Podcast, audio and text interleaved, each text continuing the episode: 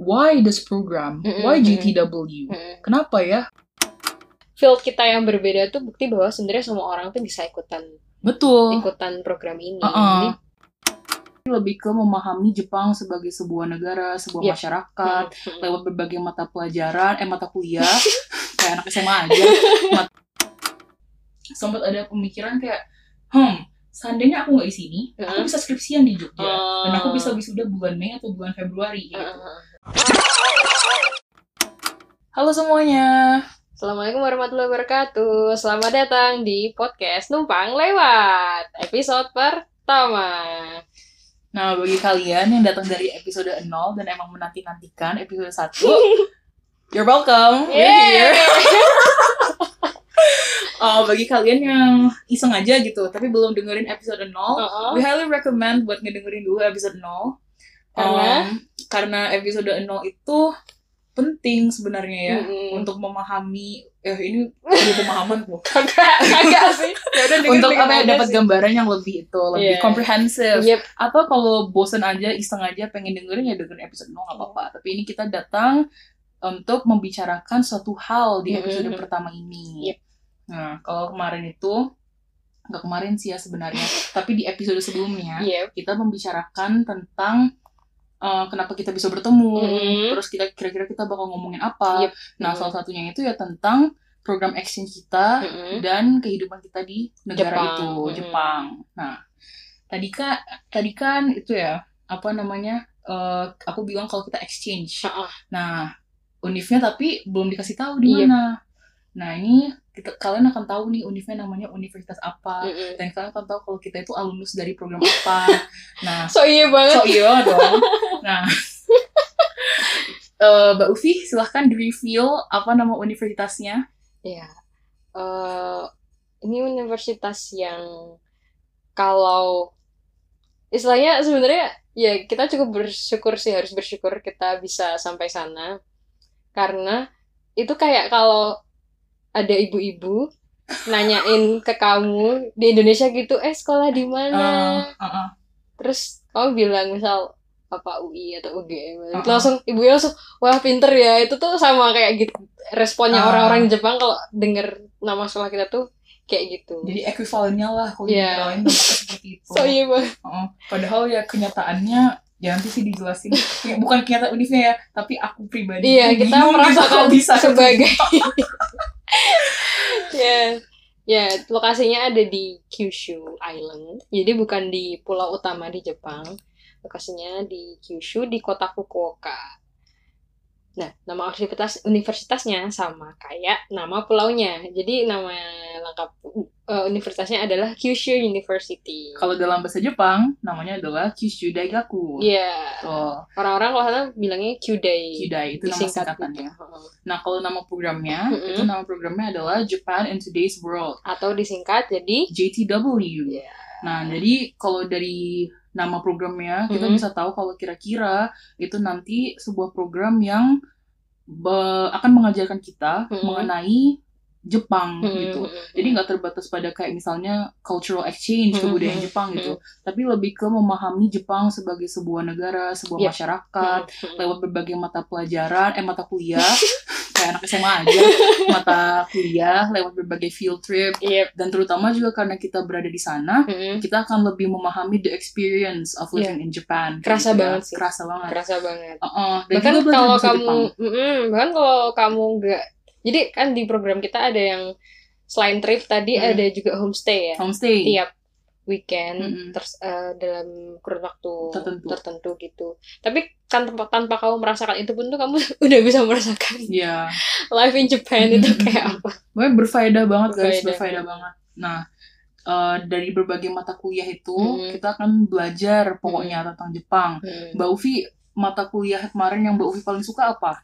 Aku em, mungkin yang sampai sekarang masih bekas dan mm, apa ya kayak dia jadi peganganku saat ini gitu dalam memandang dunia di sekitarku adalah sosiologi. Sosiologi. Oh, Iya. sosiologi pas Wak- aku masih di sana kan? Iya, jadi oh ya kenapa Hana bilang waktu dia masih di sana karena ini programnya tuh sebenarnya satu tahun Mm-mm. tapi bisa di-apply untuk satu semester Betul. aja. Nah, tadinya aku sama Hana sama-sama Mm-mm. satu semester aja Mm-mm. cuman aku extend Mm-mm. jadi satu tahun nah Oh. Hana pulang duluan nah Oh. Eh aku enjoy dua-duanya sih. Eh maksudnya di semester satu juga ada sosiologi semester 2 juga ada sosiologi dalam topik yang lain. Oh iya ya. Mm-mm. kalau yang eh, semester kita kan eh, aging aging and life course in Japanese society ya kan ya? Jadi ngomongin tentang eh, dari orang Jepang tuh lahir sampai mati itu kayak apa sih kehidupannya gitu. Terus kalau yang semester 2 tuh eh sociology of Japan Hmm. sociology Wah, of menarik. Japan gitu dan sebenarnya hampir sama materinya cuman tambah merasuk aja gitu Ah, ah. di kepala aku Oh. Terus dan karena hmm, kan Jepang sebelahan bukan sebelahan sih tetanggaan sama nem- negara yang sedang hot-hotnya itu apa namanya Korea ya. Terus aku kan emang salah satu apa ya aku Korean enthusiast gitu. Tapi bukan Korea Bu ya guys. She's a Korean enthusiast, but she's not a Korea Bu. Ya karena sebelahan gitu dan apa namanya sosiologinya tuh hampir mirip gitu loh.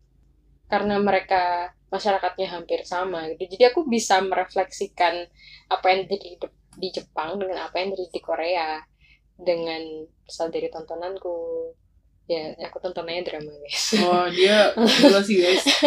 Luar biasa banget. Eh, katalog dia tentang Katalog. drama tuh luar biasa.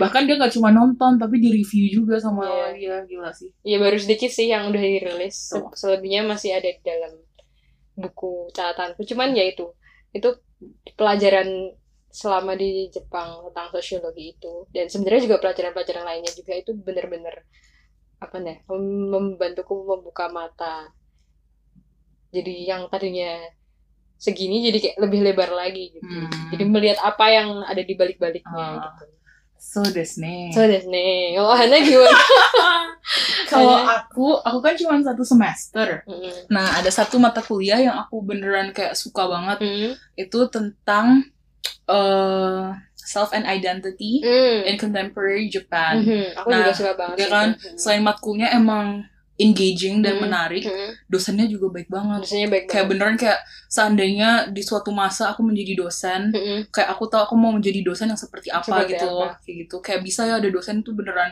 yang baik, Mhm. peduli, Mm-mm. kayak oh gila sih, mantap Mhm. banget. Mhm. Shout out buat Nonaka Sensei. Nona Kak Sensei. Kamu keren banget Baik banget dia. Sensei. Dia bisa menempatkan diri kayak temen Oh, oh, literally. Oh, oh, literally baik kayak kayak apa ya? Hampir hampir gak ada segannya ya. Hmm. Maksudnya hormat, kita masih beneran Betul. Hmm. sangat hormat ke dia, cuman kayak hampir gak segan kita bisa dengan bebas Hmm. bertanya apa pun ke beliau. Dan matkulnya tuh menarik sekali Hmm. karena kita akan belajar mengenai self yaitu Mhm. diri Mhm. dan juga identitas. Mm-mm. Nah, ntar diajarin apa sih bedanya self and identity Mm-mm. yang gitu-gitu. Kayak kayak hal-hal yang kayak secara konseptual dijelasin. Mhm. Tapi yang beneran menarik itu ketika itu diaplikasikan ke konteks Jepang. Mhm. Nah, di setiap kelas itu pasti ada pembahasan tentang isu Mhm. isu aktual di Jepang gitu. Yep, yep, yep. Ada bahasan mengenai gender, Aktual, ya. ada bahasan mengenai apa tuh namanya? Masyarakat yang plural Mm-mm. dan masyarakat yang, yang homogen. betul Terus ada pembahasan tentang apa kayak tuh? hafu Hafu. Mhm. Tentang identitas kita kalau misalnya Mm-mm. kita berasal dari dua kultur yang berbeda, Mm-mm. how can we identify? How should we identify? Mhm. Itu pun kalau emang ada kayak sebuah guide gitu ya, Mm-mm. kalau how to identify. Harusnya sih nggak ada. Be who you are. Be yourself. nah, korban yang ngomong korban iya dong. Nah, sama gimana ya? ada juga yang kayak eh, efek kebijakan apa tenaga kerja di Jepang Betul. tenaga kerja asing di Jepang itu Mm-mm, apa terhadap kondisi kulturalnya di Jepang Jadi sebenarnya cukup interseksional gitu. banget Nah, banget. terutama dan karena bisa direfleksikan ke diri Betul, kita sendiri betul, itu betul. kerennya di situ sih karena kita foreigner di situ, Mm-mm, ya nggak sih? mm-mm, Nah, terutama juga ya karena background aku, aku adalah anak psikologi. mm-mm, Jadi kayak mata kuliah self and identity itu beneran sangat nanti nanti deh intinya sangat sangat sangat menarik mm-mm, sangat gak jauh-jauh gak jauh-jauh dari apa yang aku pelajari di kampus Mm-mm. di Indonesia di Jogja Mm-mm. ini mm-mm. tapi tetap berbeda gitu loh dan it's very refreshing buat Mhm. melihat kayak bener, bener, apa yang bener. kita udah tahu terus dibangun lagi dari situ Betul. gitu betul ya kan betul banget begitulah bagaimana knowledge berkembang saudara-saudara oh ya by the way Hana psikologi Mm-mm. aku arsitektur nah tuh jadi kalau mbak kalau aku kan ya mata kuliahnya emang masih soshum ya iya Ha. heeh. sedangkan mbak Ufi itu dia anak arsi tapi nyemplung di soshum ceritanya gitu cuma sebenarnya menyenangkan juga Enggak kan Mm. karena arsitektur juga ngobrolin tentang budaya, cara masyarakat manusia hidup. Jadi pelajaran-pelajaran yang aku dapat di, selama exchange itu juga sangat-sangat berguna bagi para perkembangan diriku. Misalnya Mm-mm. di akan menjadi arsitek gitu. Mm-mm. nah Dan itu sebenarnya buka kit apa field kita yang berbeda tuh bukti bahwa sebenarnya semua orang tuh bisa ikutan betul ikutan program ini. Uh-uh. Jadi benar-benar terbuka untuk segala nggak ada batasan Hmm. betul jadi apa aja tuh kalau Hmm. kita mau daftar jadi anak JTW gitu syarat-syaratnya apa sih Syaratnya sebenarnya simple ya. Eh, kamu terdaftar sebagai mahasiswa oke S1. Heeh, S2 juga bisa sih S2 tapi sebenarnya juga bisa, cuman karena level pembelajarannya S1 jadi harap maklum harap maklum gitu kalau Mm-mm. Misal kamu S, udah S2 dan mau Mm-mm. ikutan gitu. Terus eh GPA-nya atau IPK-nya itu sebenarnya nggak tinggi-tinggi banget, nggak sampai Iya. cum laude gitu. tiga koma berapa tuh dua ya Dua kalau nggak salah tadi. Mm-mm. Bisa, nah bisa dicek di websitenya di W. Nanti kita kasih linknya di description podcast. Iya. Itu. Nah, eh terus ya udah sih itu aja sebenarnya modal utamanya. Mm-mm. Nanti untuk berkas-berkas yang lain tuh kayak eh, TOEFL atau IELTS. nanti ada form pendaftaran Mm-mm. dan bagusnya lagi eh, kalian bisa pakai beasiswa Mm-mm. biasanya ada beasiswa namanya beasiswa jaso Mm-mm. nah Nah, nanti sebenarnya Apa? sebelum masuk ke beasiswa, ah. program kita tuh gratis. Ya kan? gratis tapi kalau universitasnya berafiliasi nggak sih Oh gitu ya. Kalau nggak berafiliasi jadi kalau ya? kita kan ada tuition waiver kan Heeh, heeh. Jadi yang harusnya kita bayar UKT kita di sini Ah. itu kita bayar eh harusnya kita bayar UKT kita buat di QDA itu Mhm. itu di kita nggak bayar UKT sana karena kita bayar UKT sini. Oh, Jadi kemarin pas aku exchange itu aku tetap bayar UKT sama. kayak gitu. Mhm. Nah, ya tapi dengan segala fasilitas yang ada gitu ya Worth it banget. worth it Worth banget. it banget. Uh-uh. Meskipun kita juga waktu berangkat pulang juga pakai biaya sendiri ya. Betul sih. Cuman untuk kemudian hidup di sana selama satu semester hingga satu tahun, kemudian merasakan kehidupan di sana dan belajar banyak banget, Banget. itu sangat worth it dan malah justru kita kayak cuma keluar sedikit banget sementara dapatnya tuh kayak segunung gitu. Apalagi kalau ntar selama kalian di sana arubaito. Mm-mm. Arubaito artinya apa? part time job. Ya, saya tidak merasakan itu karena cuma enam bulan di sana. Mm-mm. Tapi Mbak Ufi itu merasakan nanti bisa dibahas lebih dalam lagi ya. Iya, di Jadi nantikan episode selanjutnya episode selanjutnya. Ya, terus kapan sih itu program JDW? ah, jadi itu ngikutin eh, quarter ya kalau di sana ya. heeh. Ngikutin eh, quarternya di sana. Mm. Quarter tuh misalnya fall winter. Mm, mm, mm. Nah, itu karena masing-masing satu- Quarter itu kayak Eh? fall quarter. Oh, fall quarter, Winter terus winter quarter. quarter, Nanti iya. gabungannya fall winter semester Yep, gitu. betul. Terus nanti ada spring quarter sama summer quarter. Mm, mm, mm. Nanti jadinya spring summer quarter. Mm, Nah, dimulainya itu kalau di program kita itu di fall winter Fall semester. winter. Cuman sebenarnya di Jepangnya sendiri anak-anak tuh masuknya tuh eh di spring summer. Iya, ho Oh. Jadi kita tuh sebenarnya masuk di semester genapnya sana gitu. Oh, paham. Heeh. Oke, mungkin kalau mungkin kalau Kebalik teman-teman gitu ya. mungkin kalau teman-teman eh, apa namanya familiar dengan anime atau apa kan Hmm. biasanya kalau penerimaan apa murid baru Hmm. gitu kan pasti ada sakura sakura gitu nah Oh. itu sebenarnya karena Ah. mereka emang penerimaannya tuh pasti pas ini Iya, pas iya, iya. apa namanya boom spring Ah, yang keluar bahasa Korea musim semi. musim semi guys Musim semi. guys musim, Musim semi. semi. jadi berbunga begitu cuman ya kita datangnya waktu itu waktu fall winter, Fall winter. jadi Menyenangkan merasakan kedinginan. kedinginan tapi di kota gak ada nggak ada salju ya. gak ada salju ya karena Fukuoka terlalu ke Terlalu selatan, selatan. Nah, tapi kalau kalian ntar pas liburan gitu jalan-jalan, Mm-mm. ah, jalan-jalan em, kalian ke kota-kota lain Hmm. ada salju sih biasanya. Mm-mm. Cuman kalau kalian mau ke program ini terus ada kayak ekspektasi ah merasakan salju gitu kan Iya, ya mungkin agak dikubur. Sorry ya.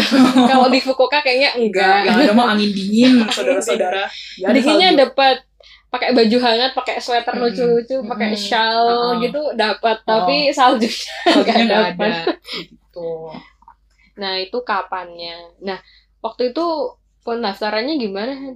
oh iya kalau aku buka websitenya OIA UGM Mm-mm. OIA itu apa? OIA adalah Office of International Affairs, Yes. kerjasama internasional. Jadi di website itu ada banyak banget info tentang Tuh. beasiswa, tentang exchange, tentang short course. Mm-mm. Nah nanti Summer dari situ apa. mm-mm, ada banyak banget. Terus karena emang aku tertarik sama Jepang, Mm-mm. tapi buka aku masuk nggak nonton anime sih gitu. tapi maksudnya Gue juga emang kok. itu sebuah apa ya? It's a really interesting place gitu. Yes, yes. Nah terus aku nemu nih ada program-program Mm-mm. Nah, di antara semua programnya, yang paling sesuai dengan timelineku, Mm-mm. ya adalah program ini gitu kan. Terus akhirnya aku mendaftar, dan di sana tuh di linknya, itu Hmm. ada persyaratannya, deadline-nya, Mm-mm. gitu-gitunya. Waktu itu kita bulan apa ya daftar? Kayak Februari, Januari Januari. malah. Oh iya. Januari. Kita Januari 2018 18. menyerahkan pendaftarannya. Mm-mm. Aku nyiapin dah dari bulan November. Aku nyiapin TOEFL dari bulan Ah, November. Nah, jadi pokoknya kalian siapinnya agak jauh-jauh hari ya guys, Mm-mm. jangan mepet-mepet. Mm-mm. Karena walaupun kalian ready, Mm-mm. belum tentu lingkungan kalian tuh ready. Iya. Misalnya udah siap nih, eh Uh-uh. ternyata penyelenggaraan Padekannya- TOEFL-nya nggak ada. Atau padekannya belum belum pulang dari ini Oh, apa oh.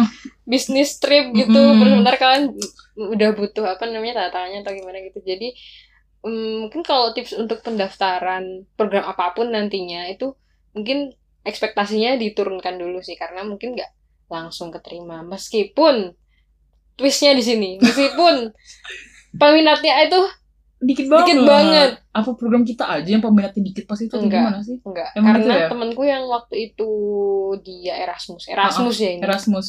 Lituania sih Heeh. maksudnya nggak nggak terlalu terkenal Iya. kotanya cuman kan kalau kamu Erasmus kan kamu dapat kesempatan untuk tur Betul. Eropa gitu Heeh. kan itu dia itu juga yang daftar tuh gak nyampe lima orang Oh, iya? terus dia keterima gitu nah sementara kita waktu itu yang daftar tiga tiga tiganya keterima itu kan Betul. apa apa bukan rezeki yang nemplok bener-bener nemplok gitu guys Nah, jadi kita pas itu berangkat bertiga Mm-mm, dari Universitas. Gajah Mada. Selain aku dan Mbak Uvi, kita juga punya satu teman, Mm-mm. tapi teman kita lagi nggak ada di sini, Iya, guys. dia sudah me, apa namanya? Melancong. Mela Kok melancong? melancong? kan Melancong kan jalan-jalan Iya, ya. heeh. Dia apa ya? Lagi meraup pundi-pundi rezeki di ibu kota. Betul. Nah, namanya adalah Tori Rahman Hakim. Sebenarnya bukan nama aslinya. Bukan nama asli nama samaran. Ah, ah, nama samaran. Jadi kamu denger ini, kamu harus dengerin podcast ini sih sebenarnya Tori Rahman Hakim. Kalau kamu denger ini, aku cuma mau bilang we miss you and we hope that you you're gonna have a good life gitu. Amin. Tuh. Ya. Itu tadi soal daftar-daftarnya. Jadi memang biasanya tuh jauh-jauh hari guys kalau pendaftaran apa namanya program exchange itu biasanya beberapa bulan-bulan sebelum apa programnya itu terlaksana. Hmm. Kayak kita tadi programnya tuh mulainya tuh eh, berangkat September tapi jan- dari Januari kita udah mulai apply gitu. Jadi ya coba dilihat jadwal teman-teman kayak gimana. Kalau misalnya pengen apply, ya coba dihitung mundur dari Mm. situ dan eh sambil melihat program-program apa yang tersedia. Nah, teliti Hmm. juga guys, dibaca apa aja eh, syarat-syaratnya, Hmm. deadline-deadline. Pokoknya tuh kuncinya ya kalian harus cermat gitu. Mm-mm.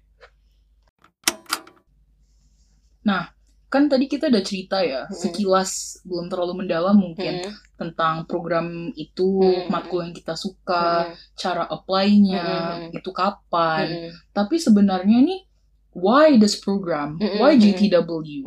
Kenapa ya? Apa sih keunggulannya JTW? Apa yang bikin kita suka sama program ini? Sampai kita mendedikasikan satu episode buat ngomongin program ini. nah, coba kalau dari Mbak Ufi, what do you like about JTW? Eh, before applying or- Impresi Mbak secara keseluruhan boleh juga. Kalau kalau tadi kan Hana pengen ke Jepang karena meskipun Hana nggak nonton anime atau apa, tapi kan merasa Jepang adalah sebuah tempat yang menarik gitu. Keren kan. banget guys, soalnya Mm-mm. kayak you can access di dua timeline yang berbeda dalam satu waktu gitu loh. Iya sih. Oh, Kayak you gabung gitu. Heeh, heeh. Dan orang-orang Jepang sih. tuh emang sopan-sopan baik-baik dan aku yang Mm. melihat apakah kenyataannya begitu gitu. Dan emang benar sih. Mm, mm, mm, mm. Kalau aku sendiri sih influence-nya banyak dari media, tapi bukan media anime. Jadi selama aku SMA tuh eh aku sering nonton NHK World terus tayangan-tayangan NHK World tuh emang keren-keren banget kayak mereka banyak ngomongin soal eh soal keindahan alamnya Jepang terus Mm. soal desain, Mm. architecture, craft Hmm.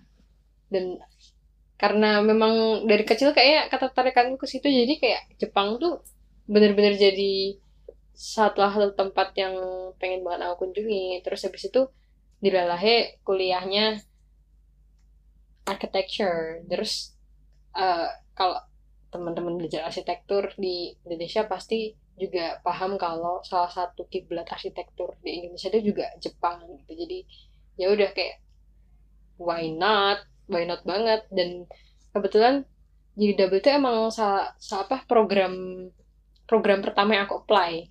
Dan se- sebenarnya setelah jadi double itu aku udah apply ke berbagai macam program tapi nggak lolos dan ternyata malah jadi W yang lolos akhirnya berangkatlah ke jadi W Dan beruntunglah Mbak Ufi berangkat ke GTW karena kalau Mbak Ufi nggak jadi ikut GTW atau aku nggak daftar GTW, Mm-mm. we probably would never meet. Yes, Ya kan? yeah. Karena kita tuh kampusnya di dua tempat yang berbeda banget. Aku di sisi mananya Graha Sabah, Mbak Ufi di sisi sebelahnya lagi kayak gitu. Nah, tadi tuh kayaknya aku salah salah apa ya? Aku kan tadi mau men- menanyakan ya ke Mbak Mm-mm. Ufi Mm-mm. Kenapa GTW kayak gitu. Nah, tadi harusnya tuh yang aku tanyakan ya kenapa Mbak mendaftar GTW. Oh. Nah, jadi sekarang Oh. Aku mau nanya kenapa Mbak Ufi merekomendasikan GTW? Kenapa suka GTW? Hmm, karena mungkin udah disebut ya tadi salah satunya eh karena kita dari UGM jadi kan banyak sponsor gitu kan. Ya bener-bener apa yang kita keluarkan sama yang kita dapat itu gak sebanding. Gak sebandingnya adalah karena kita dapetnya banyak banget. Ah, dari sana gak bayar apa-apa.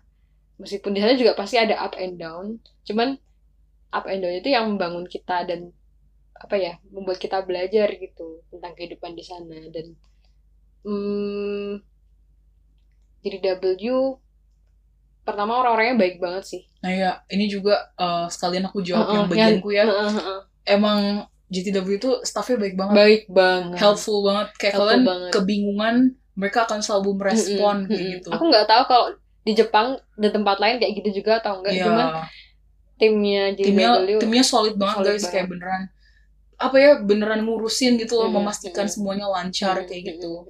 Staffnya baik banget, staffnya baik banget Mm-mm. terus alhamdulillah juga ketemu dosen-dosen yang senseinya baik-baik. keren banget Mm, beneran kayak memberikan gambaran kalau kayak dosen yang baik tuh. Dosen yang baik dan juga perkuliahan yang baik ya perkuliahan apa. yang baik betul banget. Ya nggak sih? Mungkin sebelum ke perkuliahan mungkin kayak standar gedungnya. Ya betul. Itu infrastrukturnya infrastrukturnya beda banget sih. Bagus. beneran mendukung kenyamanan belajar ya. Betul heeh. ruangannya nggak ada yang bau-bau kayu apek gitu. Jujur ya pasti mbak pernah mengalami di empat tahun mbak kuliah Mm-mm. masuk ruang kelas yang gimana gitu. Maksudku kita bersyukur bisa Mm-mm, berkuliah mm-mm, gitu mm-mm, we're not saying that we're not grateful bisa Yes, berkuliah yes. di UGM dan di gedung kuliahnya Mm-mm. cuman kayak emang kelihatan gitu mm-mm. bahwa apa ya emang infrastrukturnya beda ya gitu dan loh. kamu beneran udah nggak mikirin lagi "Duh, kok kelasnya nggak nyaman ya tapi beneran udah di tuh fokus ke belajar. mata pelajarannya gitu nggak ada kedinginan kepanasan iya tuh dan dari apa namanya cara pembelajarannya juga eh alhamdulillah kita dapat dosen-dosen yang emang sangat-sangat siap untuk mengajar Mm-mm. segala macam Mm-mm. materi. Atau jangan-jangan itu karena dosen buat kelas internasional ya? Kan sebenarnya kita kelas ya internasional nggak sih oh, hitungannya? oh, jadi kita nggak jadi jadi W itu sebenarnya kayak fakultas sendiri gitu loh guys. Oh, jadi kita nggak ikut mata kuliahnya fakultas-fakultas tapi bisa lain. sih kalau mau Iya, ikut oh. matkul di fakultas gitu Mm-mm. tapi Cuman utamanya di JDW sendiri juga udah ada mata kuliah mata betul kuliahnya sendiri. nah GTW itu dapatnya eh kok dapatnya itu eh yang ngurusin ya istilahnya Mm-mm. itu International Student Center-nya sana Mm-mm. kayak gitu jadi mereka tuh di bawahnya International Student Center Mm-mm. itu Terus pokoknya recommended Iya. belum puas ya kayak harus Iya. beneran bilang kayak beneran recommended gitu. Dan itu ada setiap tahunnya Mm-mm. dan ada dua kali opening di fall Mm-mm. winter sama Mm-mm. spring summer. Mm, jadi kamu bisa mau yang mana ya kamu bisa cuma satu semester aja atau full satu tahun. Tuh. Nah kalau kamu pengen full satu tahun kamu daftarnya sama kayak kita di bulan Januari. Jadi mulai di fall winter semester terus Mm-mm. nanti berakhir setelah summer. Tuh Nah, Tuh. dapat sertifikat juga yang dapat ya. sertifikat. Tapi aku enam bulan gak dapat sertifikat cuma dapat transkripnya iya, iya. doang. Serius? Serius? Serius serius coba kamu tanya deh ke oh iya iya deh ya aku aku akan tanyain bertanya deh ke waktu OIA itu soalnya aku udah ada ininya udah ada sertifikatnya Oh, aku tapi kayaknya si Tori juga belum ngambil sih Enggak ini sih ya nanti ya Hmm. akan aku urus Hmm, hmm. Mhm. Oh iya. Dan kayak kalau misal kamu cek websitenya JW juga, kamu bakal lihat di sana tuh kayak apa ya? Deskripsinya tuh bilang kayak kapan lagi kamu bisa dapet mat eh, apa? Pengetahuan yang komprehensif tentang Jepang dalam bahasa Inggris. Hmm.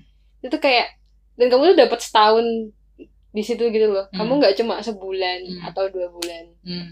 eh, ya kamu pasti tetap juga tetap dapat sesuatu dari situ cuman pasti beda insight orang yang tinggal di sana selama sebulan sama orang yang tinggal di sana selama satu semester atau satu tahun gitu betul betul betul betul jadi ya aku nggak bisa bilang kamu udah tahu semuanya ketika kamu melakukan i- eh, menjalani satu tahun atau satu semester itu tapi pasti kamu dapat jauh lebih banyak dan jauh, lebih dalam. Ya emang apa ya belajar tentang kultur lain tuh emang sangat Hmm. menyenangkan ya Mm-mm, Mbak Uvi ya. Terutama karena kita immerse beneran di situ gitu. Mm-mm. karena memang kehidupannya beda banget sama di Beda. Indonesia. Mm-mm. di sana ada bus guys. Eh di Jogja juga ada bus sih sebenarnya. Ya ampun. Tapi maksudnya kayak di sana tuh benar-benar berfungsi. Berfungsi. Kalian kalian yang denger ini sadar gak sih kalau misalnya Trans Jogja itu gak ada jadwalnya di haltenya ada jadwal. gimana caranya aku mau tahu busnya datang jam berapa Yo, Ah, tapi salah satu hal yang ingin aku lakukan emang naik Trans Jogja di Jogja puter-puter katanya tiga ribu kalau kita nggak turun-turun Iya. tuh udah bisa muter-muter gitu ya mau lewat yang Prambanan itu I will try that Iya. gitu Bahasan tentang transportasi di Jepang emang oh aduh menarik banget. menarik Mungkin banget. bisa kita obrolin di episode selanjutnya. Terus apa lagi nih? Barusan kita ngobrolin apa sih? Tentang kenapa kita merekomendasikan GTW Oh, iya. apa yang belum kita touch ya Ini what JW mean to us atau Ah. apa sih yang pelajaran yang paling kita dapat selama mungkin nggak cuma JW tapi selama berada di sana gitu. kalau aku ya Mm-mm. aku kan anak Jogja Heeh. aku kuliah di Jogja Mm-mm.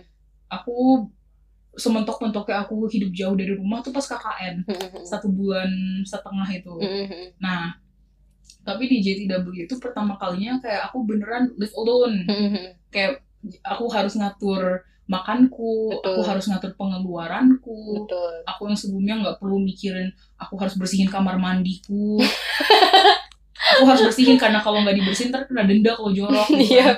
nah apa ya Oh diinspeksi terus Iya. jorok. Em, gimana ya kayak beneran melatih kemandirian gitu Mm-mm. dan kayak mengajarkanku bahwa you have to be comfortable with yourself gitu Mhm. kayak kadang tuh orang mikir kalau kayak kita lagi sendirian di kamar gak ngapa-ngapain aja kita gak kota gitu mbak Iya. kayak apakah kita tidak living our life to the fullest kayak gitu Oh, Ngerti oh. kan mbak maksudnya Heeh. kayak kadang tuh kenyamanan bisa didapat dengan kita nyaman sendirian gitu Mhm. misalnya entah kita habis ngerjain tugas kanji yang bejibun itu nonton Netflix Mhm. gitu terus kayak apa ya selain latihan kemandirian juga melatih untuk lebih sabar dengan proses I think Mhm. karena kayak kita dihadapkan pada situasi-situasi yang akan sangat berbeda dan kita nggak melihat Betul. bahwa kayak ini tuh ntar ujungnya gimana apakah ini akan worth it kayak gitu Mhm. karena jujur pas aku exchange di sana sempat ada pemikiran kayak hmm seandainya aku nggak di sini aku Mhm. bisa skripsian di Jogja dan aku Oh. bisa wisuda bulan Mei atau bulan Februari gitu. Heeh. Nah tapi emang seklise-klisenya ini kedengeran ya Mhm. emang lulus dan Mhm. everything in life itu Mhm. bukan yang tepat waktu Iya, sebenarnya iya, di iya. waktu yang tepat gitu. Betul. nggak kelihatan loh pas itu pas itu tuh belum aku belum melihat gitu bahwa kayak Ternyata kamu bakal bakal melihat ini sebagai life apa. lesson gitu Oh. bakal melihat ini sebagai sesuatu yang emang pas sih Mhm. akhirnya ujung-ujungnya bisa kok aku eh, yudisium Mhm. dan wisuda di sini. Mhm. tetap punya pengalaman yang menyenangkan. Gak yang miss out a lot of things. Kayak kadang tuh kayak bleak gitu loh mbak. Kayak gelap gitu. Tapi karena ternyata kamu kalau bener kayak ter terpotong ter apa sih? Terkat dari segala Heeh, yang familiar iya, sampai meragukan gitu kayak is this worth it? gitu. Hmm. walaupun senang senang dengan programnya. Hmm. tapi ada masa-masa ketika misalnya aku lagi kangen makan bareng keluarga aku di meja makan kayak gitu. Aku lihat aku makan apa aku makan bento sisa kemarin.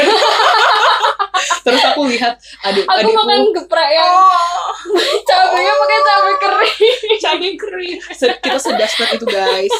Apa ya? Kayak bener sih se- sepele sih kayaknya ya. Oh. terus kayak sambil makan bento sisa kemarin itu aku dengerin berita tentang apa yang lagi terjadi di Indonesia. Terus aku mikirin kayak wah kangen juga ya aku sama Hmm. negara aku kayak gitu. Kayak aku pengen deh ke sana kayak gitu. Tapi nggak mungkin ya terbang ke sana sehari doang iya terus balik lagi buat ikut kelas nona ke sensei kan nggak mungkin gitu.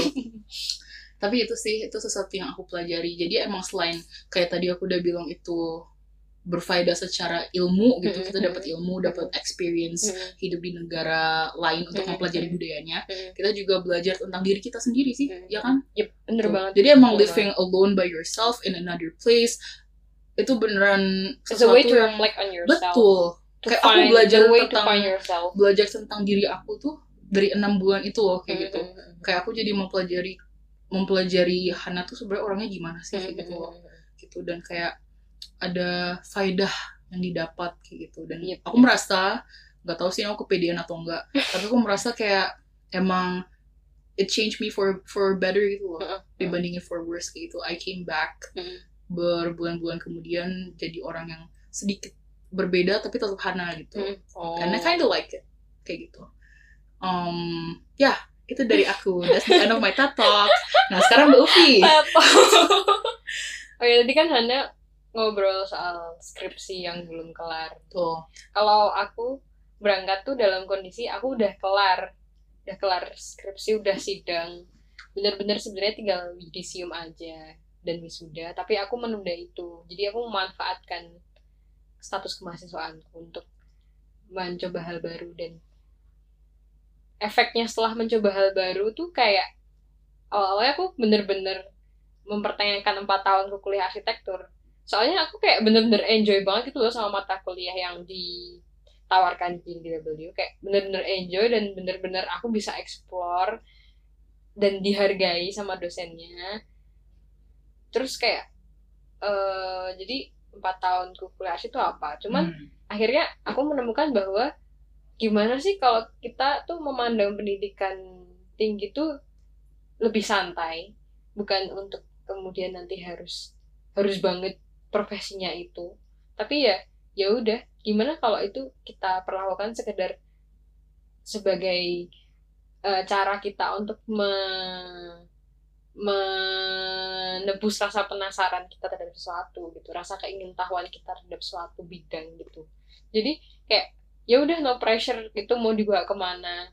Ya emang emang perlu maksudnya kan kayak kalau misal dalam Islam kan kayak kalau kamu berilmu kamu punya uh, kewajiban untuk menyampaikan. Cuman kan nggak harus selalu uh, dipraktekkan misal kamu belajar arsitektur terus kamu harus jadi arsitek gitu atau gimana.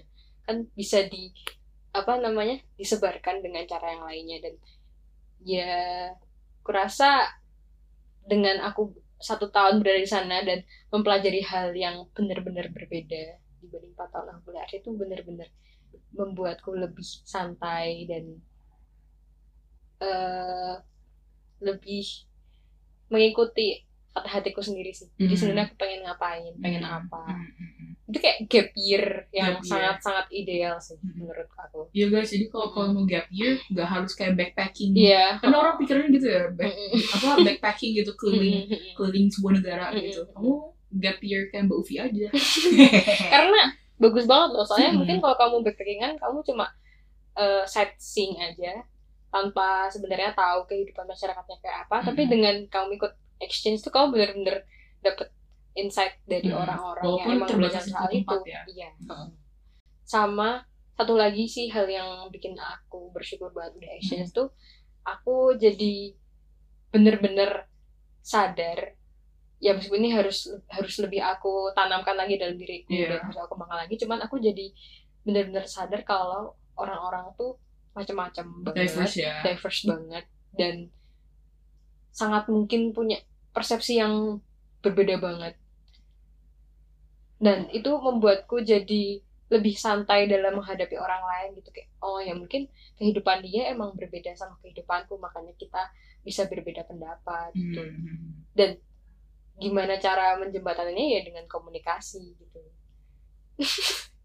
Ya akhirnya balik satu lagi. Jadi eh mungkin ini nyambung ke mindsetku terhadap eh bukan mindset ya persepsiku terhadap konsep open minded itu tuh mungkin kamu nggak harus menerima sesuatu dengan saklek itu langsung semuanya kamu terima tapi mungkin open minded itu adalah sikap kamu untuk membuka diri terhadap sesuatu untuk mempelajari dan memahami sesuatu pola pikir orang yang berbeda denganmu. Jadi kamu nggak asal judging ya kayak episode 0 kemarin yang disebutkan Hannah kayak gitu. ya itu sih yang bener-bener eh, membekas setelah exchange di Hmm. JDW program Hmm.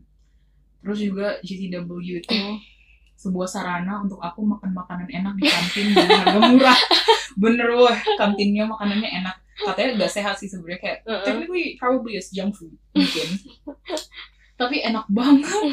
kayak ada kantin yang makanan halal. Mm-mm. Ingat namanya nggak?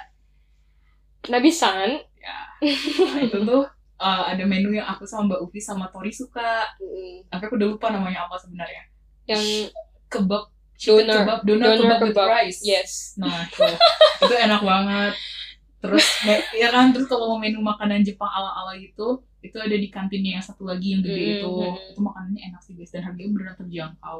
ya, ter- terjangkau harga Jepang ya Ya, guys terjangkau Jepang. Ya, Di dibandingin ini sama-. Tapi maksudnya harganya masuk akal gitu Iya, loh, masuk gitu. akal. Kalau kita makan di restoran bisa habis 1000 yen atau Mm, 1500 yen gitu ya, range segitu mungkin. Tapi kalau kita makan di kantin 500 yen udah kenyang banget. Mm-mm. Dapat sop, dapat nasi, dapat lauk, dapat minum Yep, yep. luar biasa iya sih kayak bener-bener bener-bener apa ya menyenangkan karena aku suka makanan kayak susah banget sih mau ngomong gitu doang gitu. tapi emang enak enak enak Iya, kalau yang suka kulineran ya. Mm-mm. Tapi anu apa kalau nggak punya diet restriction? Oh iya oh my god I forgot about that. Pantas di bagian aku ngomong itu mbak Ufi Aku dia diam aja. aku lupa. Jadi guys oh, ini mungkin lebih ke bagiannya mbak Ufi sih. Tapi kalau kalian punya dietary restriction kayak misalnya kalian um, uh, muslim terus Mm-mm. makanannya harus yang halal kan ya. Terus kalau misalnya Oh, vegan. kalian vegan yang beneran kayak no animal products Mm-mm. itu kayaknya belum belum ada jaminan ya kalau misalnya itu bakal aman kayak gitu. Jadi rada-rada kayak tebak-tebak buah manggis kayak gitu. Um, jadi kalau aku bisa menikmati mengekspor berbagai macam makanan Uh-uh. sesuka hatiku Uh-uh. dengan catatan uangku masih ada dan Uh-uh. I'm not completely broke from buy from paying rent um, itu aku ya bisa mengeksplor makanan di kantin dan makanan-makanan lain di apa Fukuoka Mm-mm. Nah, tapi kalau punya dietary restriction kalian harus crafty kayak Mbak Ufi Iya, Kayak masak-masak. masak-masak bikin geprek pakai bon cabe. Sedih. Sumpah rasanya tuh aneh guys. jangan Kayak, ya guys jangan dicoba kecuali kalian desperate tapi Mbak pasti desperate terus rasanya enak gak? Iya, ya udah sih aja. dienak-enakin aja. Hmm. Cuma setelah pulang terus merasakan sambal bawangnya, gepreknya asli tuh kayak berbeda beda banget. sebuah kerinduan yang Iya. akhirnya itu ya Ya, ntar kita harus ngobrolin satu episode yang isinya hal-hal yang kita rindukan Oh. selama Jepang dari Indonesia. Heeh. ya aku udah tahu sih aku pasti bakal ngomongin makanan Mm-mm. Iya, sebelum kita move on ke sesi terakhir ada yang tanya nih eh tipsnya belajar bahasa Inggris untuk Tips persiapan. bahasa Inggris untuk Mm. persiapan Mm-mm. Kayak standarnya sih biasanya tuh kalau untuk exchange tuh kayak TOEFL itu biasanya 500 atau 550 Hmm. minimal. hmm. Kalau IELTS berapa Han biasanya? aduh enam setengah apa ya kayak enam kalau nggak salah ya guys Antara aku 6 lupa. atau 6 setengah. enam ya? atau enam setengah Hmm. secara overall keseluruhan Mm-mm. jadi kalau IELTS tuh ada kan empat empat tes ya Mm-mm. nah nanti masing-masing tes itu diakumulasi terus dibagi Mm-mm. terus nanti kamu bakal nemu eh namanya tuh overall band score kalau nggak salah Mm-mm. Nah, kalau nggak salah tuh minimumnya mah minimumnya mah enam setengah kayak Mm-mm. gitu Oh, gitu sih Kalau IELTS ya. Hmm, kalau Terus IELTS. kalau untuk persiapannya gimana persiapan buat apa nih yang khusus Buat bahasa Inggris ya berarti bahasa Inggris. Oh. hmm kalau aku pas itu agak kepepet sebenarnya IELTS ya ini. ya? IELTS-nya Hmm. karena uh, pas itu sebenarnya ya sebelum Hmm. aku daftar GTW Hmm. ini aku gak serius sih cuman kayak Hmm. aku mau nyoba-nyoba gitu ada sebuah program exchange lain juga ke Jepang Heeh. tapi deadline-nya tuh mepet Heeh. nah aku terus mencari tanggal tes IELTS terdekat Oh. nah sebenarnya sih aku nggak pengen-pengen banget di univ itu Mm-mm. cuman kayak ya mencoba gitu kan Mm-mm. tapi faedahnya jadinya bisa ikutan tes IELTS Mm-mm. Um, tapi ya persiapannya jadinya kurang Mm-mm. karena cuman kayak dua aku nyiapin berapa lama seminggu kayaknya aku nyiapinnya Mm. tuh kayak gitu nah tapi eh ada apa tuh sebutannya kayak practice book yang bisa di download Mm-mm. itu Cambridge IELTS apa gitu judulnya Mm-mm. ntar dia kayak bendelan gitu kamu Mhm. buka aja di laptopmu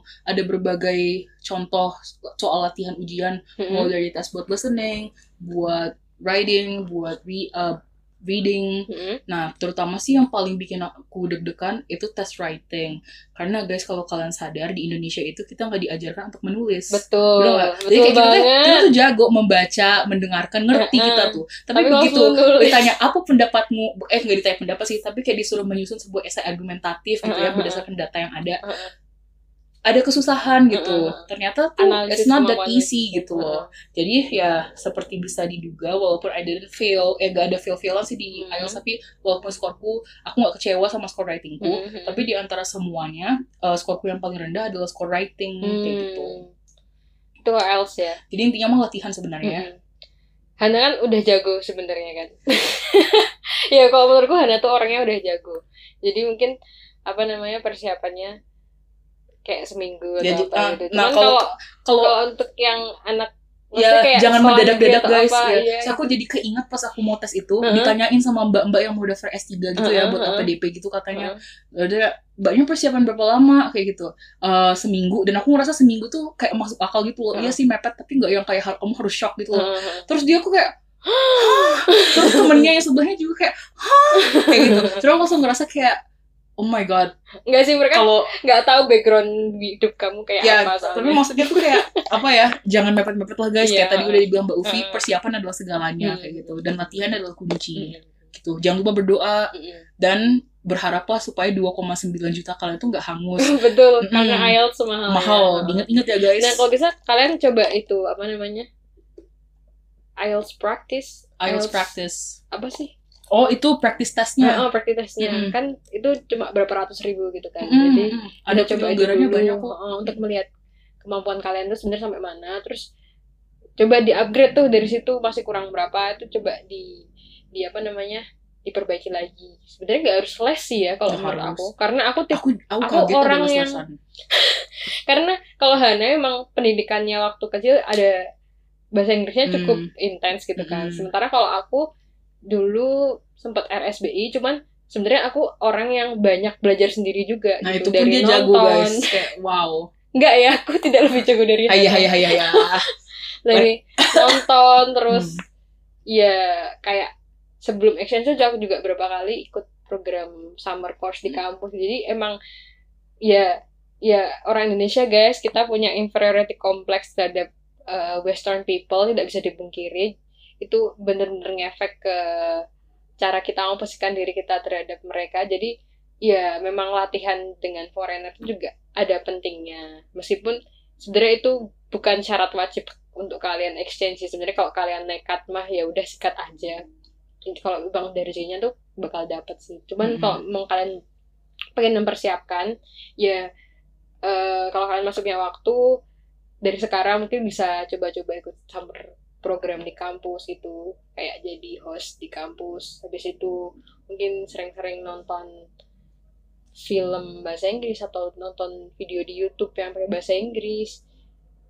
Dan atau ikut course di YouTube bahasa Inggris juga banyak banget. Itu bisa membantu. Yang khusus juga TLIS juga ada. Ya video contoh apa tuh speaking IELTS Mm-mm, itu ada di YouTube mm-mm. itu videonya itu menunjukkan kayak speaking skor yang didapat tuh kalau misal skornya 9 buat speaking Mm. kira-kira secara praktek orangnya kayak gimana Mm, ngomongnya mm, gitu-gitu mm, jadi kalian punya kayak referensi untuk tahu kayak gitu sih betul. Oh iya, selain writing, speaking sih orang Indonesia. iya betul karena kita takut bicara Iya, gitu betul. tapi reading reading listening tuh bakal gampang sih kayaknya kalau mm. kalian latihan-latihan gitu cuman bener-bener harus ditekankan di bagian writing sama speakingnya kalau menurut aku pribadi Mm, karena itu hal yang aku alami gitu. Terutama di writing writing adalah momok pada saat itu Itu kayak kalau IELTS. Nah, kalau kalian memang lagi lebih mepet persiapannya sama apa namanya dananya juga mepet aku sih nyaraninnya TOEFL aja sih aku waktu itu juga TOEFL jadi November tuh aku sebelum berani untuk apply macam-macam tuh aku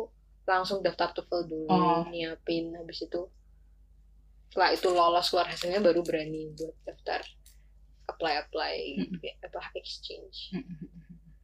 Untuk Tuh. bahasa Inggris Jadi semoga orang yang nanya ini Mm-mm. kalian dipuaskan dengan Iya, jawaban ini. semoga tercerahkan Oh, ya Kalau misalnya ada pertanyaan lagi, of Hmm. course bisa ditanyakan ke akun Instagram podcast numpang lewat. betul Apa nama akunnya Mbak Uvi? Eh, Instagram at p underscore numpang lewat Ya itu nama akunnya ya guys. Hmm. Jadi you will know how to reach us. betul oh ya sebelum kita tutup podcast hari ini eh kita punya corner nih corner penutup namanya yang lagi numpang lewat Wow. Oh. Jadi ini hal-hal yang lagi kita suka di saat Betul, ini. yang lagi gitu. numpang lewat di hidup kita Mm-mm. Nah, kalau aku ya, Mm-mm, Reply mm-mm. 1988. drama ya Drama. Aku Korea. bukan penonton drama Korea. Heeh. Hanya ada satu drama yang aku tonton dari awal sampai akhir dan itu aku nonton bukan karena aku suka, tapi karena aku adalah anak SD yang baru lulus, gak punya koneksi internet dan HP ku gak ada internetnya. Mm-mm. Gimana cara aku mengentertain diriku? Mm-mm. Oh, aku nonton BBF di KBS setiap hari apa dan apa gitu. Mm-mm. Aku tonton sampai habis kayak Mm-mm. gitu.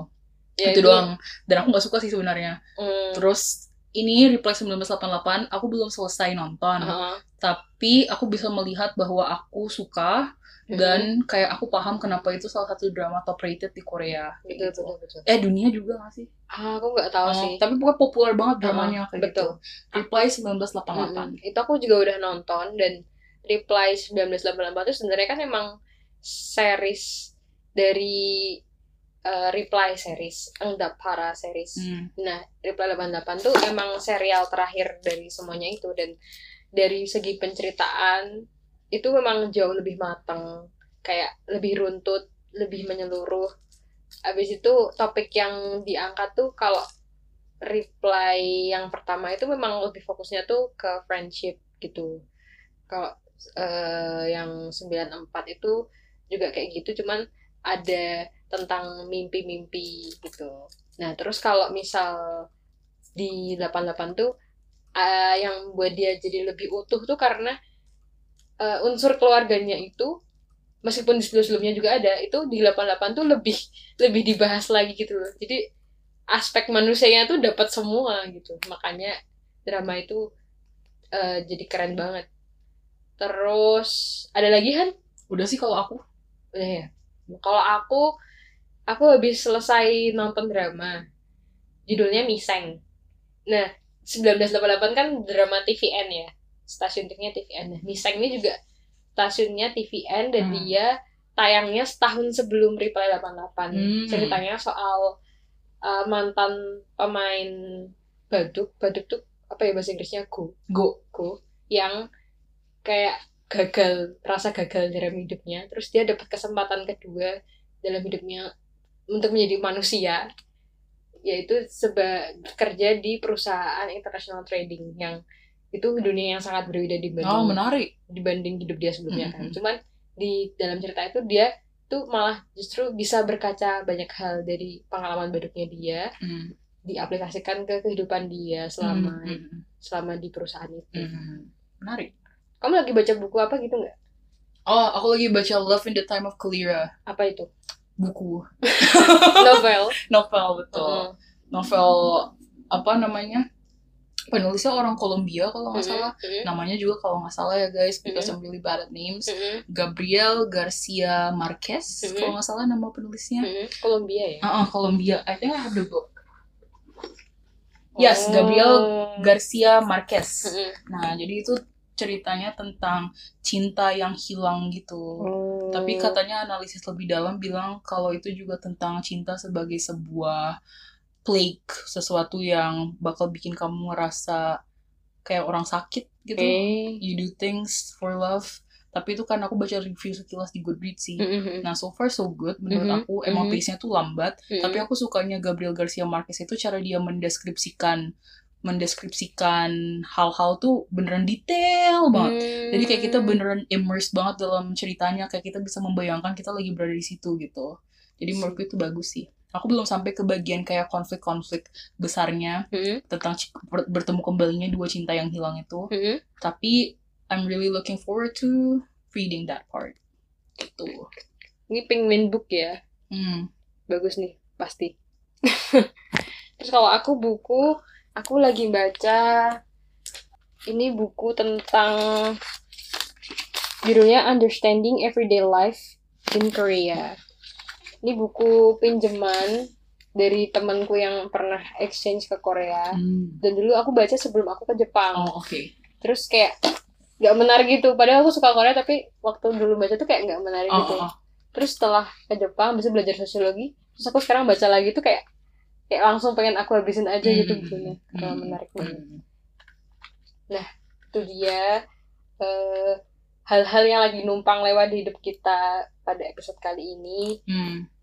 Akhirnya kita sudah masuk ke penghujung podcast. oh aku ada satu lagi yang lagi numpang lewat Oh, apa tuh? ada sebuah lagu yang aku lagi suka banget guys lagunya itu eh hmm, lagunya adalah lagu dari seorang female artist Mhm. namanya Doja Cat. Doja Cat. Dia tuh bikin musik yang bener-bener berbeda gitu loh. Mhm. Setiap kali dia bikin lagu, kayak kita tuh gak bakal bored gitu sama Mhm. kontennya dia. Mhm. Saya kadang ada penyanyi yang misalnya kayak Lauf, Halsey, The Chainsmokers, kayak mereka monoton gitu loh. Kayak Mhm. kita udah tahu kayak oke mereka gitu gitu. Mhm. Tapi Doja Cat itu dia memberikan hal yang baru gitu. Mhm. Princess Nokia itu juga kayak gitu like she's like a different person every time she makes new music kayak banyak banyak female artist yang aku lagi suka kayak Mhm, gitu mhm, dan mhm. itu aku discover literally di bulan ini Januari gitu. Jadi aku udah tau Doja Cat tapi aku baru beneran, beneran dengerin tuh Januari ini dan Hmm. aku bener-bener kayak sangat mengapresiasi musiknya dan ya very fun gitu Oke. Hmm. Ya, itu tadi eh, episode 1 dari podcast Numpang Lewat season pertama. Semoga kalian senang, Betah. betah, senang mendengarnya, Mhm. dapat dapat sesuatu lah apa pun itu. apa pun itu kalau kami berhasil membuat kalian merasa entertain Mm-mm. atau sekedar jadi back sound sama kalian lagi entah ngelakuin Iya. apa podcast ini Mm-mm. kita juga bersyukur Iya, tetap Ah. bersyukur. nantikan nanti kami numpang lewat di momen-momen lain dalam hidup kalian di Yes. episode-episode selanjutnya. Yes. Nantikan saja ya teman-teman. Nah, Oke, kita pamit ya kalau kayak gitu. Iya. Yeah. Yuk, bye-bye. Bye-bye.